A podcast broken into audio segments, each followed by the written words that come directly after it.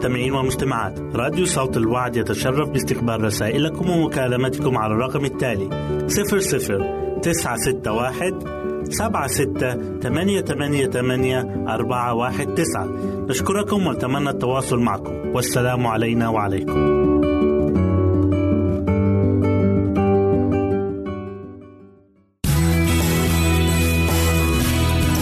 استماع وتحميل برامجنا من موقعنا على الإنترنت www.awr.org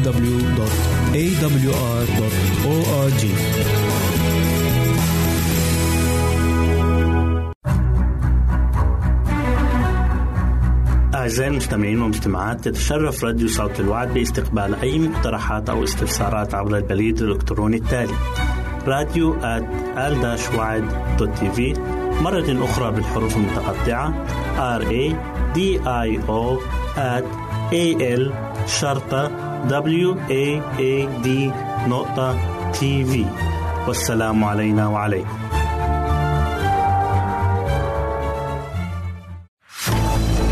أعزائي المستمعين والمستمعات راديو صوت الوعد لا يكتفي بخدمتكم عبر الموجات الصوتية فقط بل وإنه يطرح لكم موقعا إلكترونيا يمكنكم من خلاله مشاهدة أجمل البرامج الدينية الثقافية الاجتماعية وغيرها من المواضيع الشيقة. يمكنكم زيارة الموقع من خلال العنوان التالي www.al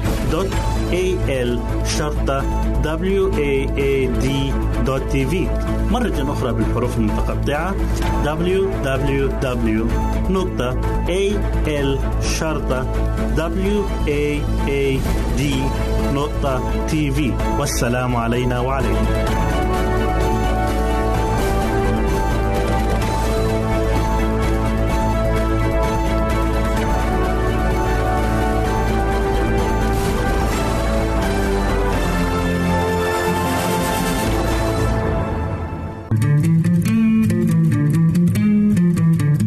أنتم تستمعون إلى إذاعة صوت الوعد.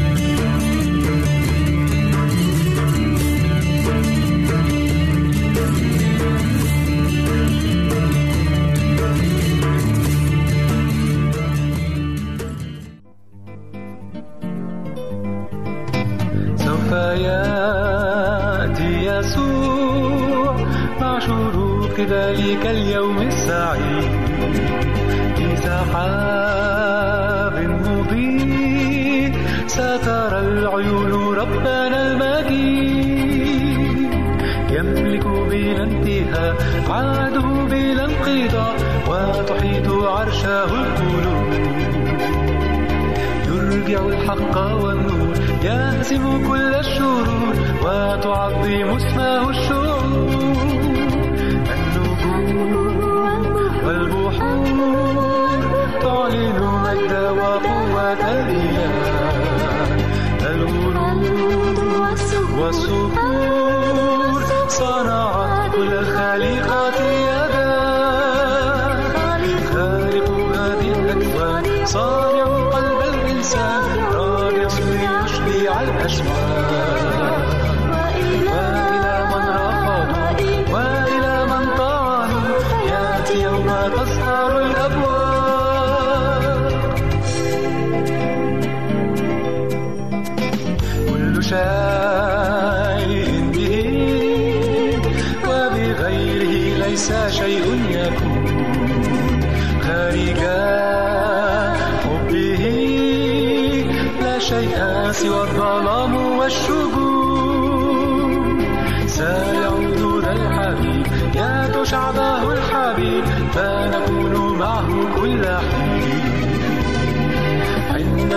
عندنا سوف نرى ندخل إلى حما ونغني دوما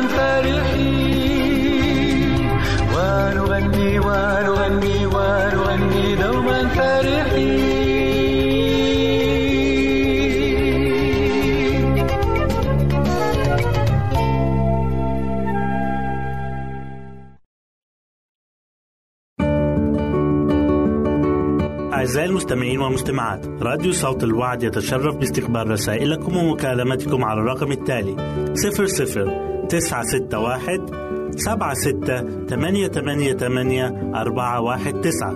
نشكركم ونتمنى التواصل معكم. والسلام علينا وعليكم.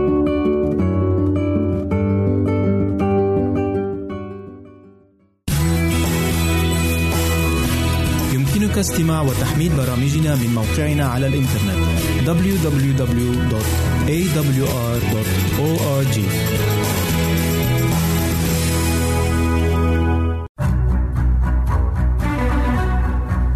أعزائي المستمعين والمستمعات تتشرف راديو صوت الوعد باستقبال أي مقترحات أو استفسارات عبر البريد الإلكتروني التالي راديو في مرة أخرى بالحروف المتقطعة. R A D I O at A L شرطة W A A D نقطة تي في والسلام علينا وعليكم. أهلا وسهلا بكم مستمعينا الكرام في كل مكان. يسعدني أن أقدم لكم برنامج السراج المنير. ما زلنا نتأمل في تطويبات السيد المسيح على الجبل. وفي حلقة اليوم سوف نتكلم عن تطويب السيد المسيح للرحماء. يقول السيد المسيح في إنجيل متى إصحاح خمسة والآية سبعة طوبى للرحماء لأنهم يرحمون جاء السيد المسيح ليعلن لنا رحمة الله الكاملة والتي تبحث عن الخطاة لتردهم وعن المقيدين لتحررهم وعن منكسر القلوب لتشفيهم. لقد تمسك البعض برحمة الله دون أن يفهموا أعماق هذه الرحمة. المعلنة لنا في شخص الرب يسوع. ولقد لخص السيد المسيح عمله على الأرض بتتميم نبوة أشعياء النبي في بشارة لوقا إصحاح 4 والآية 18 ل 19 إذ يقول روح الرب علي لأنه مسحني لأبشر المساكين. أرسلني لأشفي المنكسر القلوب. لأنادي للمأسورين بالإطلاق وللعمي بالبصر. وأرسل المنسحقين في الحرية وأكرز بسنة الرب المقبولة. ولقد أعطى المخلص الويل للكتب والفريسيون المراؤون لتركهم الرحمة والحق والإيمان حيث قال في بشارة متى إصحاح 23 والآية 23 ويل لكم أيها الكتب والفريسيون المراؤون لأنكم تعشرون النعنع والشبث والكمون وتركتم أثقل الناموس الحق والرحمة والإيمان. كان ينبغي أن تعملوا هذه ولا تتركوا تلك. فما هي الرحمة؟ هي الشفقة على الغير بصفة عامة ولا سيما للذين ضاقت بهم ظروف الحياة. ولعلنا نتذكر قصة السمير الصالح الذي نزل عن دبته وتحنن على الجريح الملقى بين حي وميت. كيف ضمد جراحاته وصب عليها زيتا وخمرا وأركبه على دبته وأتى به إلى فندق ودفع له الحساب. وهنا وصف الكتاب المقدس هذا الرجل غريب الجنس بأنه قام بعمل الرحمة.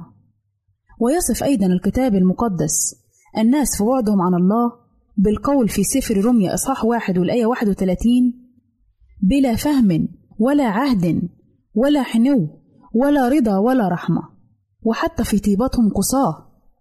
يقول الكتاب المقدس في سفر الأمثال إصحاح 12 والآية 10 أما مراحم الأشرار فقاسية. فلا عجب أيضا أن نجد ولد عاق يهين والديه بكل قساوة أو شخصا يغتصب فتاة ثم يقتلها. إنها البشرية الآثمة بدون الله الرحيم. لكن بالمقابلة مع المسيح نبع الرحمة الصادقة ونوال خلاصه يتغير الحال كما هو واضح تماما في حياة شاول الطرسوسي. الذي وصف نفسه بالقول في تيموثاوس الأولى إصحاح واحد والآيات من 13 ل 15 أنا الذي كنت قبلا مجدفا ومضطهدا ومفتريا ولكنني رحمت وتفاضلت نعمة ربنا جدا مع الإيمان والمحبة التي في المسيح يسوع. والسبب أن المسيح يسوع جاء إلى العالم ليخلص الخطاة الذين أولهم أنا. ليس هذا فقط لكن قلبه أيضا امتلأ بالرحمة للغير. فيقول في سفر الأعمال إصحاح 20 والآية 31 لذلك اسهروا متذكرين إني ثلاث سنين ليلا ونهارا لم أفتر عن أن أنذر بدموع كل واحد. إننا نستمتع كل يوم بمراحم إلهنا وبالشركة معه حيث يوجد فيضان من الرحمة.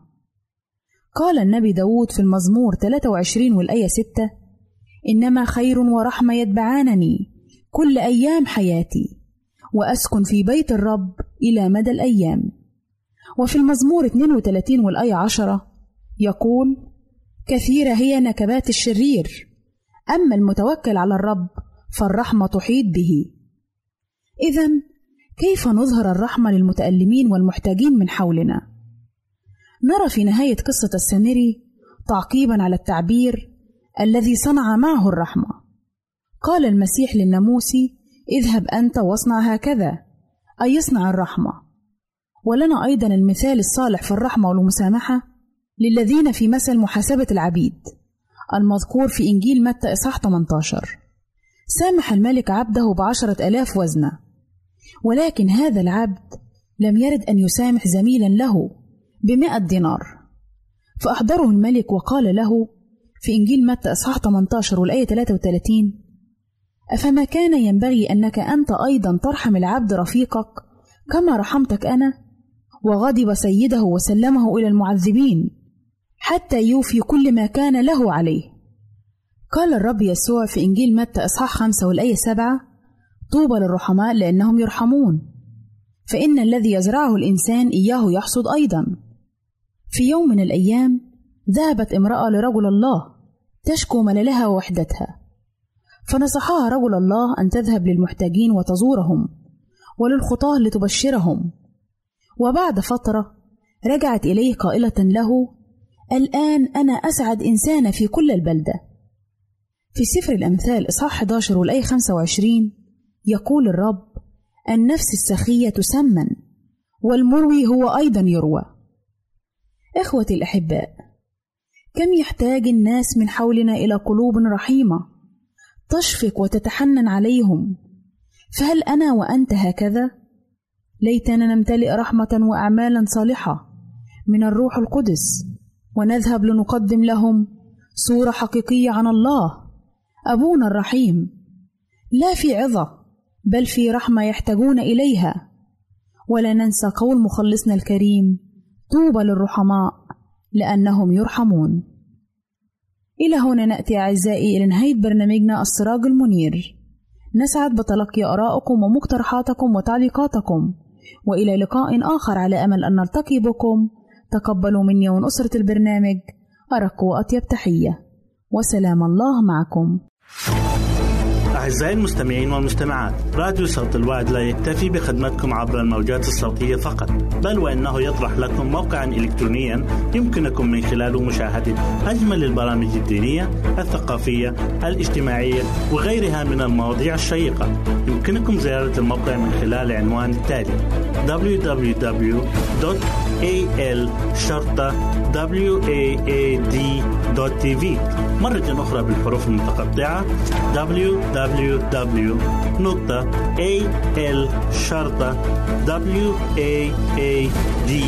www.al-waad.tv والسلام علينا وعليكم.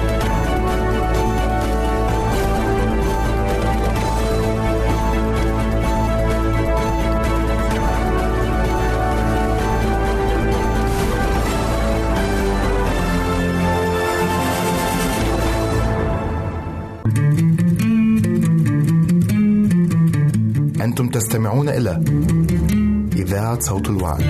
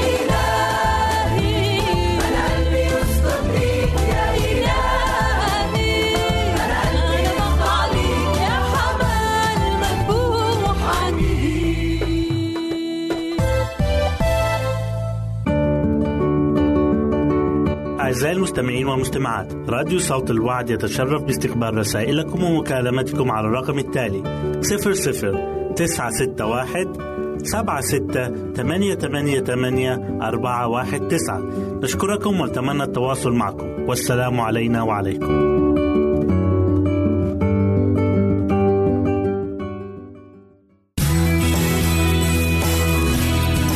يمكنك استماع وتحميل برامجنا من موقعنا على الإنترنت www.awr.org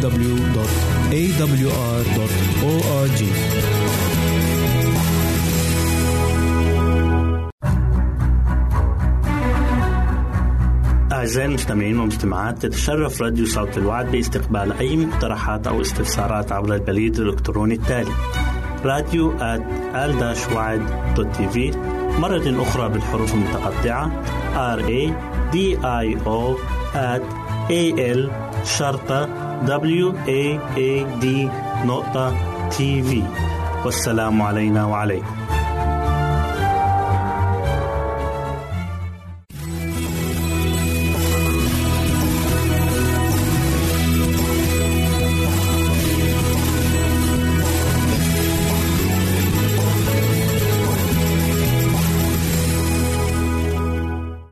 وسهلا بكم مستمعينا الكرام في كل مكان.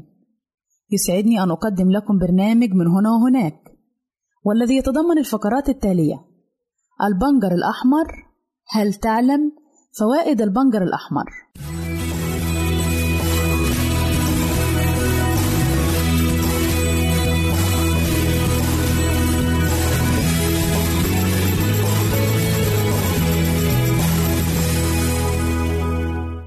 فقراتنا نتكلم فيها عن البنجر الأحمر.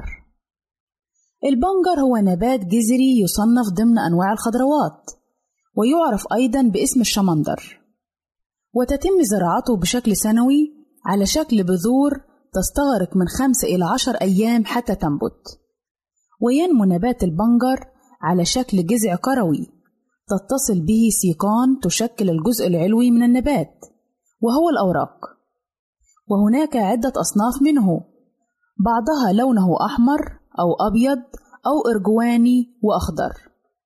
ويتم استخدام بعض أنواع البنجر للطهي وغالبا ما يكون لونها أبيض أو أحمر.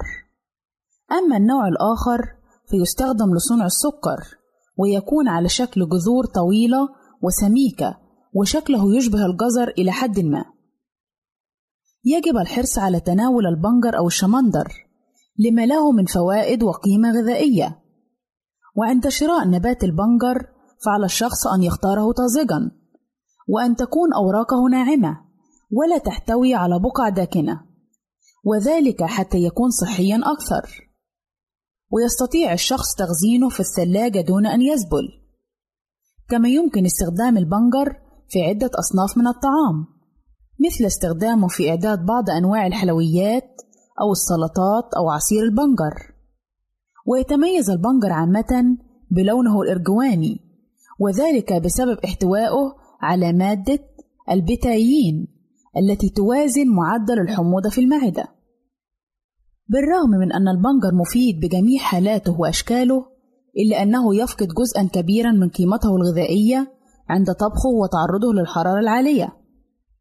وللحصول على أكبر فائدة منه ينصح بتناوله طازجا مع السلطات أو صنع العصير منه حيث يحتوي على نسبة مرتفعة من مضادات الأكسدة التي تساعد على حماية الخلايا من الأضرار الناجمة عن الجذور الحرة كما يحتوي على مركب البيتا لينز وهي المادة التي تعطي للبنجر لونه الأحمر حيث تعتبر هذه المادة من أقوى مضادات الأكسدة.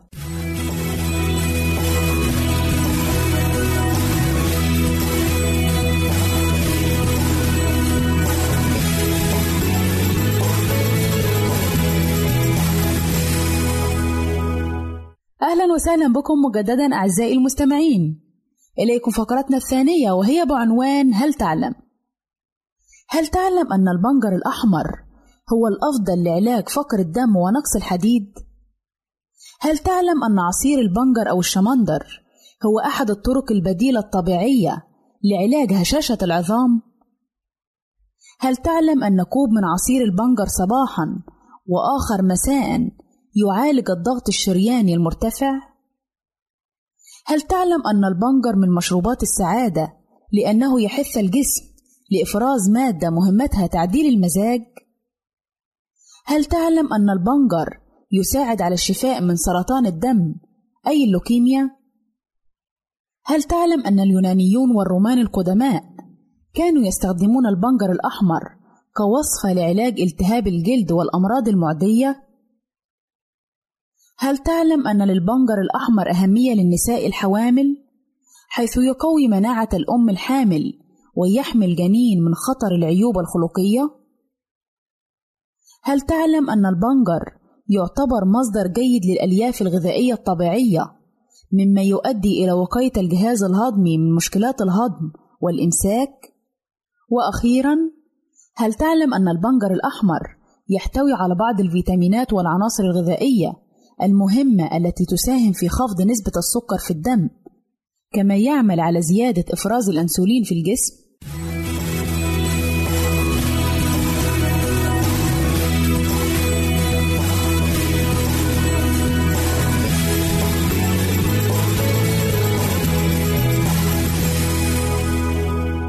أهلا وسهلا بكم مجددا أعزائي المستمعين.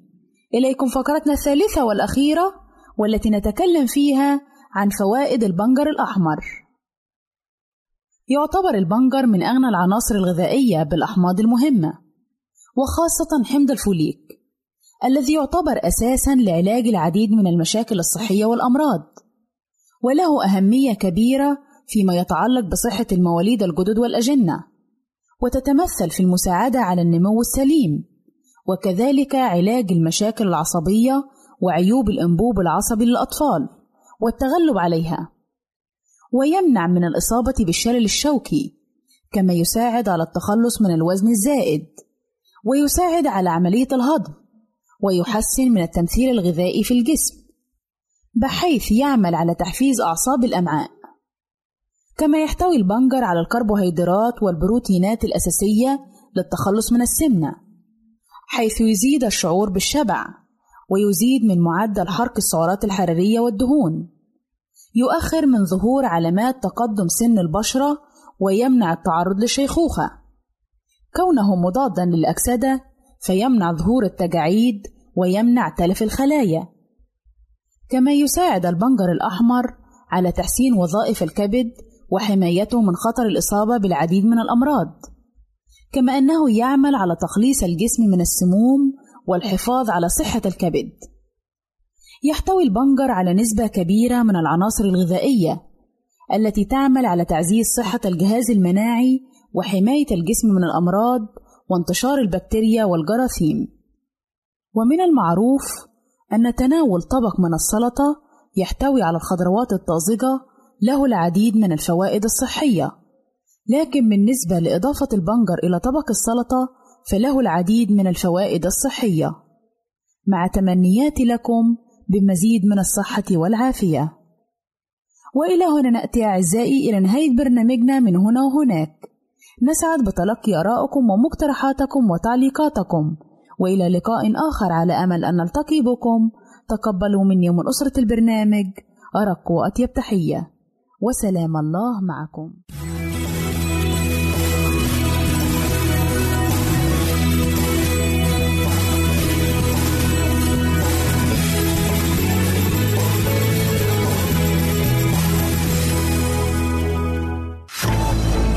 أعزائي المستمعين والمستمعات راديو صوت الوعد لا يكتفي بخدمتكم عبر الموجات الصوتية فقط بل وإنه يطرح لكم موقعا إلكترونيا يمكنكم من خلاله مشاهدة أجمل البرامج الدينية الثقافية الاجتماعية وغيرها من المواضيع الشيقة.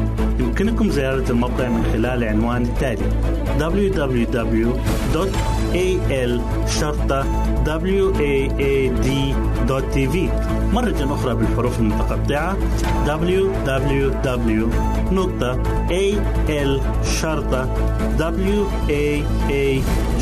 www.al-waad.tv والسلام علينا وعليكم.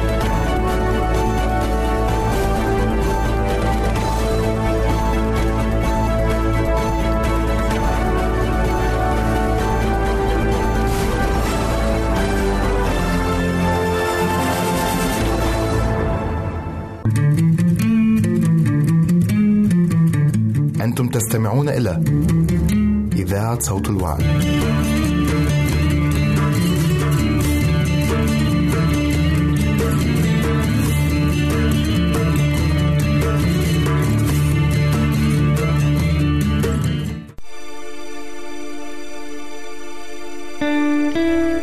النجاح للنجاح قصة حلوة طويلة مع الكد والجد والنصرة هي وجه العملة الآخر للجهاد والكفاح.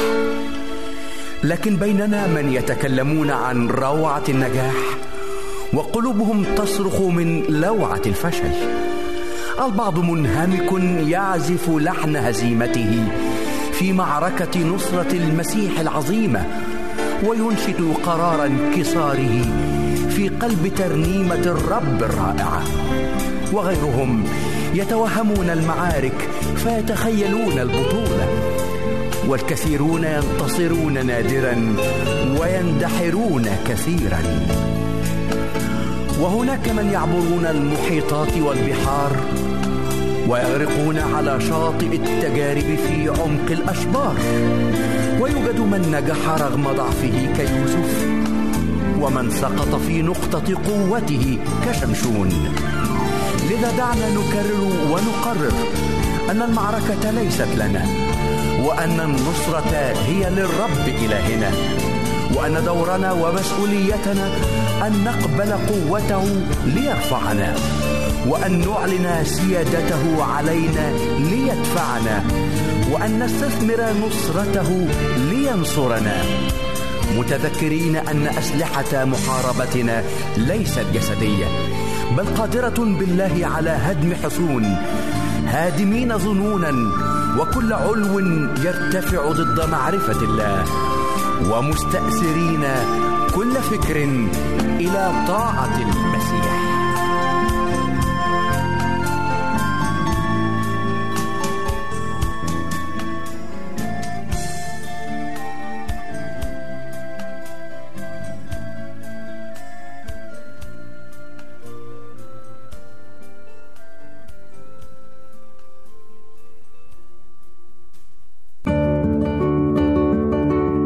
أعزائي المستمعين والمستمعات راديو صوت الوعد يتشرف باستقبال رسائلكم ومكالمتكم على الرقم التالي 00 961 سبعة ستة ثمانية ثمانية ثمانية أربعة واحد تسعة. نشكركم ونتمنى التواصل معكم. والسلام علينا وعليكم.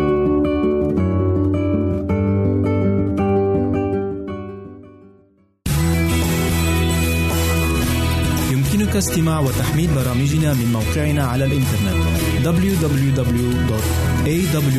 www.awr.org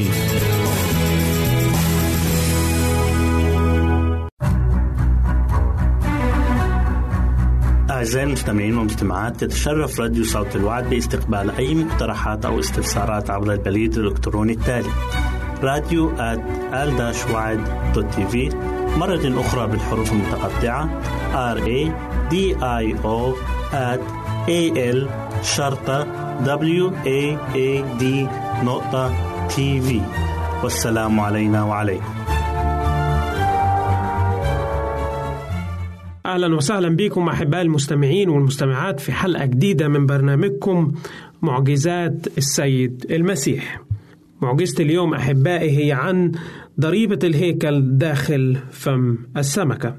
والقراءة المقدسة مأخوذة من إنجيل متى وإصحاح 17 والأعداد 24 ل 27 ولما جاءوا إلى كفر نحوم تقدم الذين يأخذون الدرهمين إلى بطرس وقالوا أما يوفي معلمكم الدرهمين؟ قال بلى. فلما دخل البيت سبقه يسوع قائلا ماذا تظن يا سمعان؟ من من يأخذون ملوك الأرض الجباية أو الجزية؟ أمن بنيهم أم من الأجانب؟ قال له بطرس من الأجانب. قال له يسوع فماذا البنون أحرار؟ ولكن أئلا نعثرهم اذهب إلى البحر وإلق صنارة والسمكة التي تطلع أولا خذها ومتى فتحت فاها تجد إستارا فخذ واعطيهم عني وعنك. أحبائي المستمعين النهاردة بنشوف معجزة جميلة جدا معجزات السيد المسيح وهي عن دفع ضريبة للهيكل ولكن كانت دفع بطريقة عجيبة جدا إن الله سخر الطبيعة إن هي اللي تدفع عنه. أول حاجة عايزين نشوف ليه كان في أمر مهم وهي دفع الضريبة للهيكل. بنلاقي إن الهيكل أو هو بما يرمز إلى الكنيسة في عصرنا الحالي كان مهم جدا إن كل إنسان بلغ فوق سن العشرين يقدم ويدفع إلى الهيكل مبلغ بما يقدر نصف شاقل من الفضة كانت الفلوس اللي بتخش لضريبة الهيكل كانت بتستخدم في نفقات على الهيكل ومؤسسات الهيكل زي الذبائح اليومية في الصباح وفي المساء والخمر والدقيق والزيت والبخور وملابس الكهنة طبعا اللي كانت آه، غالية جدا حين ذاك. فبنلاقي إن كل آه، كل مبلغ كان بيدخل إلى الهيكل كان يستخدم لتعضيد عمل الهيكل بشتى الأنواع. زي لو عايزين نفسر الكلام ده في عصرنا الحالي بنقول إن العشور والعطا اللي بيدخل صناديق الكنيسة اليوم هو يستخدم لتعضيد عمل الكنيسة والخدام والرعية اللي موجودين في الكنيسة. بنلاقي بعد كده إن جو الأشخاص اللي بيجمعوا الضرائب بيسألوا بطرس بيقولوا لبطرس هل سيدفع معلمك الضريبة؟ بنلاحظ إن السؤال كان غريب شوية لأن كان المسيح في معظم الأوقات كان في صدام موجود بينه وبين جامع الضرائب اللي موجودين أو الفريسين أو الكتبة اللي موجودين بصورة عامة.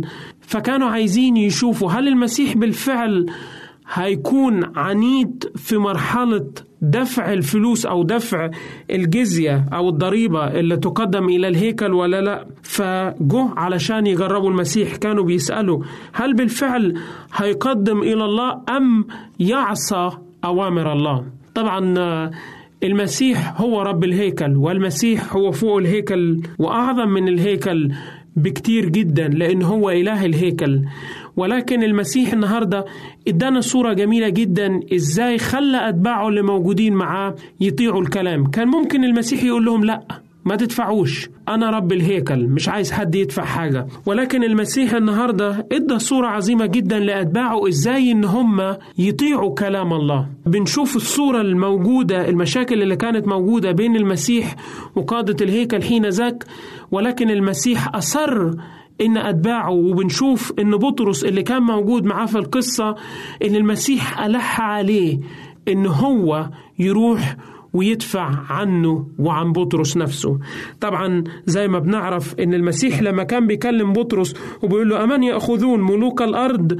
بيقول بياخدوا من مين ملوك الأرض الجزية بتاعتهم؟ من بنيهم أم من الأجانب؟ طبعا بطرس رد التعبير اللي أي إنسان هيرد عليه النهارده ويقول لا من الأجانب. ولكن المسيح كان بيرمز إلى نفسه إن هو رب الهيكل هو إله الهيكل. هو مش في احتياج إن هو يدفع إلى مدخول ضرائب الهيكل لأنه بالفعل هو إله الكون. والصورة اللي بنشوفها إن المسيح ما طلعش فلوس من جيبه أو طلع أي فضة من جيبه وراح قدمها لا المسيح سخر الطبيعة سخر الخليقة النهارده إن هي اللي تدفع عنه وتدفع عن بطرس. ويمكن بنلاقي دروس مهمة جدا من الآيتين اللي إحنا قريناهم لحد دلوقتي إن المسيح بيدبر كل احتياجاتنا إن المسيح يقدر يسخر الطبيعة النهاردة ويخلي كل إنسان يآمن به ويتبعه لا يحتاج إلى شيء أبدا لأن المسيح بالفعل بيعرف احتياج كل واحد فينا وبيعرف قد إيه إحنا في احتياج. في مرة من المرات آه، سمعت قصة جميلة جدا بتحكي عن إنسانة جوزها توفى في حادث أليم وترك لها خمس أطفال. فكانت آه، الإنسانة دي بتشتغل في مستشفى ممرضة وفي مرة من المرات كانت بتعتني بإنسانة كبيرة في العمر ومسنة وهي بتعتني بيها. كانت الدموع دايما بتنزل من عينيها فلاحظت آه، إن بنت الست المريضة دي إن الممرضة بتبكي شوية أو شكلها حزين فسألتها في آخر اليوم قالت لها أنا شايفاك إن أنت حزينة ليه الحزن اللي مالي حياتك؟ قالت لها لأن أنا جوزي مات من فترة وساب لي خمس أولاد والأولاد دول في احتياج إن هم يدخلوا مدرسة وأنا ما معيش فلوس تكفي إن أنا أدخلهم مدرسة. فبصت الست دي على الممرضة الحزينة وابتسمت لها قالت لها أنت زي ما اعتنيتي بأمي واهتميتي بيها كأمك أنا هتبرع إن أنا أدفع لأولادك الخمسة مصاريف المدرسة لحد ما يوصلوا الجامعة. بالفعل هو ده إلهنا. يقدر يسخر الطبيعة يقدر يسخر الأشخاص اللي موجودين حوالين مننا إن هم يعملوا إرادته السماوية ومشيئته السماوية. يسوع المسيح بالفعل طلب من بطرس إن هو يروح ويصطاد بالصنارة وأول سمكة كان يطلعها كان يلاقي فيها السمك. ما قالوش إن أنت هتلف كتير ولا هتعمل حاجات كتيرة ولكن النهاردة الله قال له أنا هديك العون السريع أنا هديك الطلب اللي أنت بتطلبه. وبنلاقي دروس جميلة جدا نقدر نشوفها من خلال المعجزة دي إن المسيح بالفعل بيعلم كل واحد فينا إزاي نكون مواطنين صالحين وقدوة صالحة للآخرين. بالفعل النهاردة لو الإنسان أمين في القليل الله سيقيمه على الكثير. وهو ده المثل اللي المسيح بيديهولنا عن الوزنات. قال لكل شخص كنت أمين في القليل فأقيمك على الكثير. قال له أنت أمين في حاجات بسيطة جدا. أنا هحطك على الحاجة اللي أكبر ادخل إلى فرح سيدك. الله بيرحب بالإنسان الصالح الأمين النهاردة. والدرس المهم اللي علمه الرب يسوع للتلاميذ ويمكن بطرس اللي كان موجود معاه وبطرس كان ليه رمز مهم جدا إن بطرس كان بيتكلم كتير وأكيد بطرس كان هيقول المعجزة ليه التلاميذ عشان يقدروا إن هم يتعلموا منه. ف كان بيديه درس إن هو يكون إنسان صالح ويكون إنسان أمين. حتى في بيت الله حتى ولو كان رب الكون موجود معه وكان موجود في حياته. الله بيتوقع مننا إن إحنا نعمل كل حاجة إن إحنا نكون أمناء في عطايانا ونكون صالحين. بالفعل عندنا مسؤولية إن إحنا ندعم بيت الله في انتشار كلمته وفي احتياج بيت الله. يسوع بالفعل هو أعظم من الهيكل فهو رب الهيكل. هو كان موجود ولكن كان وجوده لا يمنع إن التلاميذ يسمعوا كلام الله ويطيعوا كلام الله. وهو ده الدرس اللي كان بيعلمه السيد المسيح للتلاميذ. حتى وإن كان المسيح معهم يجب أن يكونوا أمناء في اتجاه الله. فمن كان أمينا في القليل يقيم الله على الكثير. وهو ده الدرس اللي الله عايز يعلمه لنا النهاردة. إن مهما كنا أمناء في حياتنا حتى وإن مرينا في ضيقة حتى وإن مرينا في مشكلة معينة في حياتنا الله قادر إن هو يجيب العون ويجيب النجاة من أمور غير طبيعية يخليها تحت إيدينا من أجل مجد اسمه المسيح بالفعل هو رب الطبيعة فهو ليه سلطان مطلق على كل الخليقة. والله يقدر النهاردة زي ما طلع من فم السمكة العون والاحتياج لدفع المبلغ المعين لضريبة الهيكل. الله النهاردة يقدر يحل ضيقتك المادية يقدر يحل المشكلة المادية اللي انت داخلة فيها. أي مشاكل موجودة في حياتنا النهاردة المسيح يقدر يحلها؟ بالفعل النهاردة المسيح بيخبط على حياتنا وبيخبط على باب قلوبنا. هل هنقبله كفادي ومخلص شخصي؟ هل بالفعل هنطلب من المسيح إن هو يلبي كل احتياجاتنا؟ إن كان هناك صعوبات فإلهنا هو إله الصعب. بالفعل أحبائي هي دي صلاتي ليكم ولكل إنسان بيسمعنا النهارده. إن الله يدخل حياتنا ويكون مخلص وفادي شخصي على حياتنا وقلوبنا. سلام الرب لجميعكم وإلى اللقاء. أعزائي المستمعين والمستمعات راديو صوت الوعد لا يكتفي بخدمتكم عبر الموجات الصوتية فقط بل وإنه يطرح لكم موقعا إلكترونيا يمكنكم من خلاله مشاهدة أجمل البرامج الدينية الثقافية الاجتماعية وغيرها من المواضيع الشيقة. يمكنكم زيارة الموقع من خلال العنوان التالي www.al-waad.tv مرة أخرى بالحروف المتقطعة. Www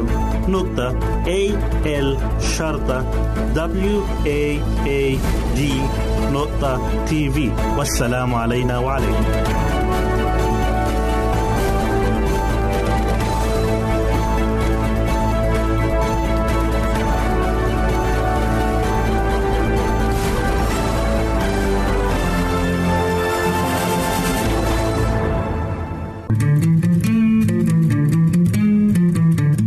أنتم تستمعون إلى إذاعة صوت الوعد.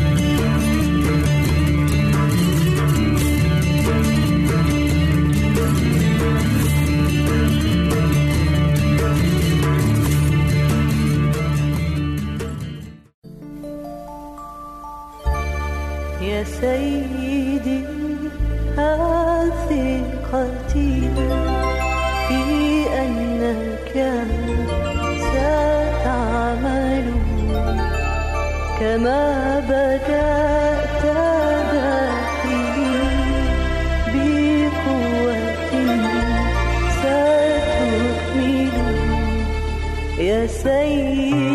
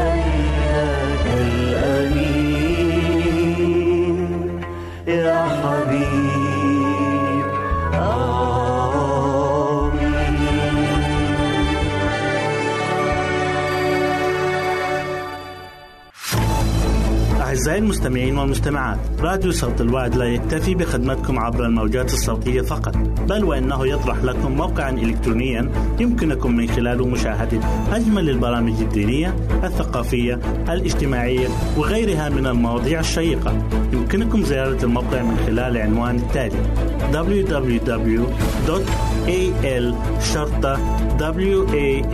www.al-waad.tv مرة أخرى بالحروف المتقطعة www.al-waad.tv والسلام علينا وعليكم.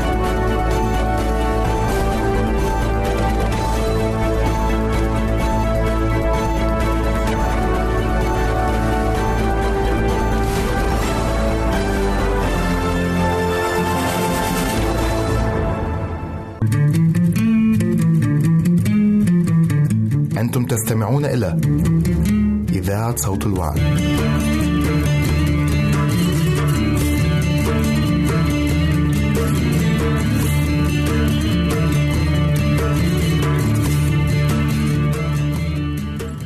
صحتك بالدني أحبائي المستمعين والمستمعات سأقدم لكم اليوم موضوعا هاما جدا عن علاج بسيط ورخيص الثمن ولكنه نافع جدا. كونوا معنا. الأسبرين. الأسبرين علاج عرف منذ القديم ولكنه كان يعرف في عمل وأمر واحد. عرف عنه في الماضي أنه مخفف للآلام. أما اليوم فقد عرف الطب عنه أشياء كثيرة سوف نسردها عليكم في موضوع اليوم. ليس تخفيف الآلام والحمى إلا جزء بسيط من فوائد الأسبرين هذا.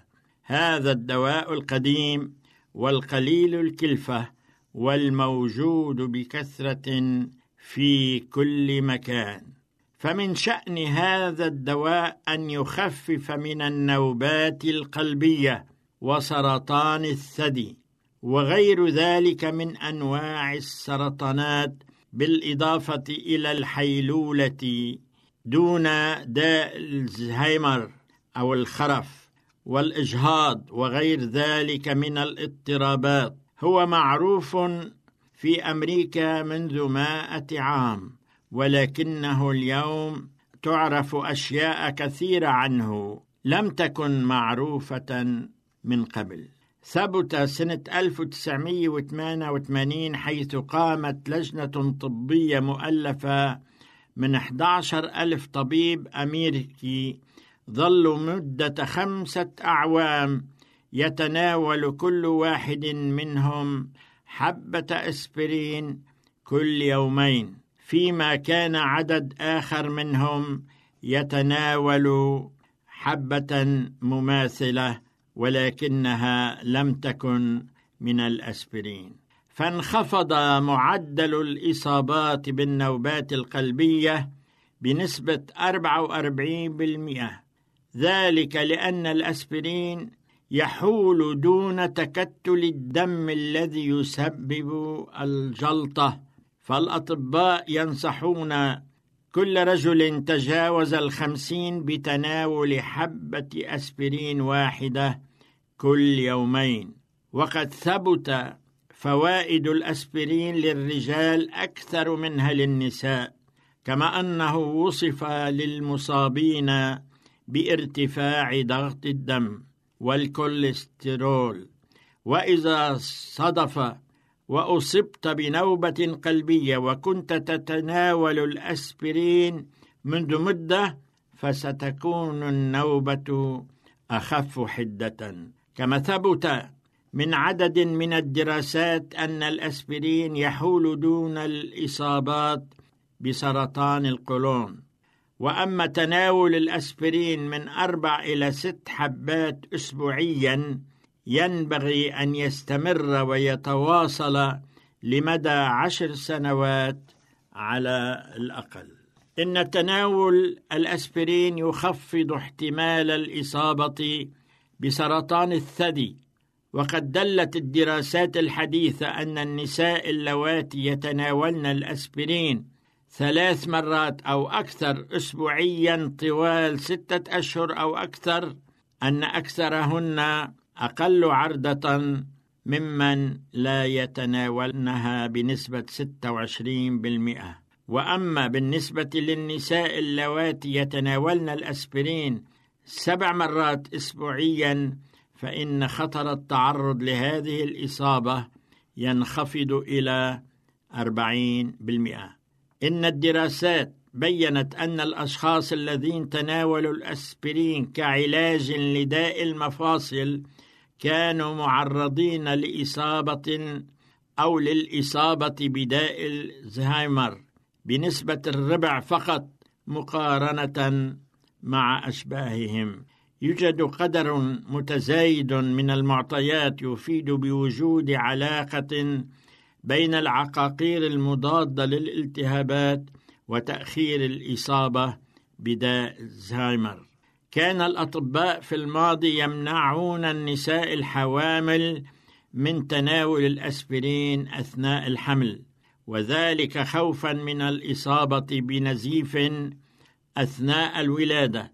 ولكن الدراسات أثبتت أن الجرعة الخفيفة من الأسبرين تخفف ارتفاع ضغط الدم الناتج عن الحمل وذلك بأخذ حبة واحدة تعطى عادة للأطفال فهذا سيؤدي للحيلولة دون المشكلة من غير أن يؤدي إلى النزيف أثناء الولادة.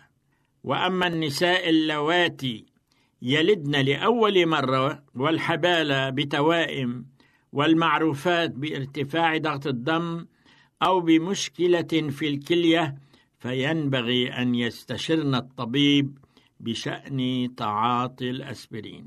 يمكن للأسبرين أن يزيد احتمال استمرار الحمل إلى مدته الطبيعية في حول كان الإجهاض محتملا. ومثل هذا الخلل في المناعة الذاتية يمكن أن يشخص بفحص بسيط للدم وهو يصيب حوالي عشرين بالمئة من النساء. اللواتي يتعرضن عادة للإجهاض المتكرر. تقول الدكتورة كارولين كولام مديرة المناعة التكوينية في معهد فيرفاكس في فانكوفر أن الأسبرين يرفع احتمال النجاح باستمرار الحمل مدته الطبيعية بنسبة 20 إلى 45% وتتابع الدكتورة كولام فتقول إن غالبية أطباء التوليد يدركون دور الأسبرين في منع الإجهاض غير أن المرأة التي تعرضت للإجهاض في الماضي ينبغي أن تستشير طبيبها. ما زالت الدراسات مستمرة عن الأسبرين وفوائده وسنلخص ما تناولناه في موضوع هذا اليوم. اولا يقوم الأسبرين بتخفيف الآلام والحمى وهذا متعارف عليه قديما.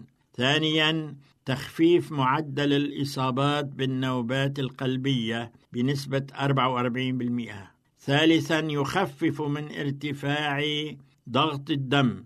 رابعا يحول دون الإصابة بسرطان القولون. خامسا يخفض من احتمال الإصابة بسرطان الثدي. سادسا يزيد الأسبرين من استمرار الحمل إلى مدته الطبيعية. كان معكم شحاد الحلبي. أعزائي المستمعين والمستمعات راديو صوت الوعد لا يكتفي بخدمتكم عبر الموجات الصوتية فقط بل وإنه يطرح لكم موقعا إلكترونيا يمكنكم من خلاله مشاهدة أجمل البرامج الدينية الثقافية الاجتماعية وغيرها من المواضيع الشيقة. يمكنكم زيارة الموقع من خلال العنوان التالي www.al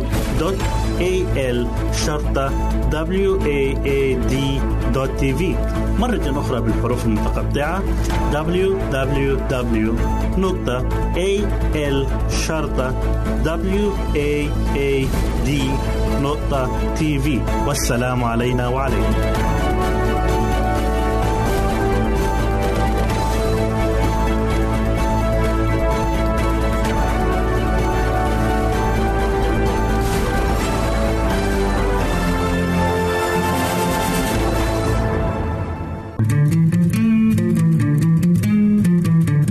أنتم تستمعون إلى إذاعة صوت الوعي.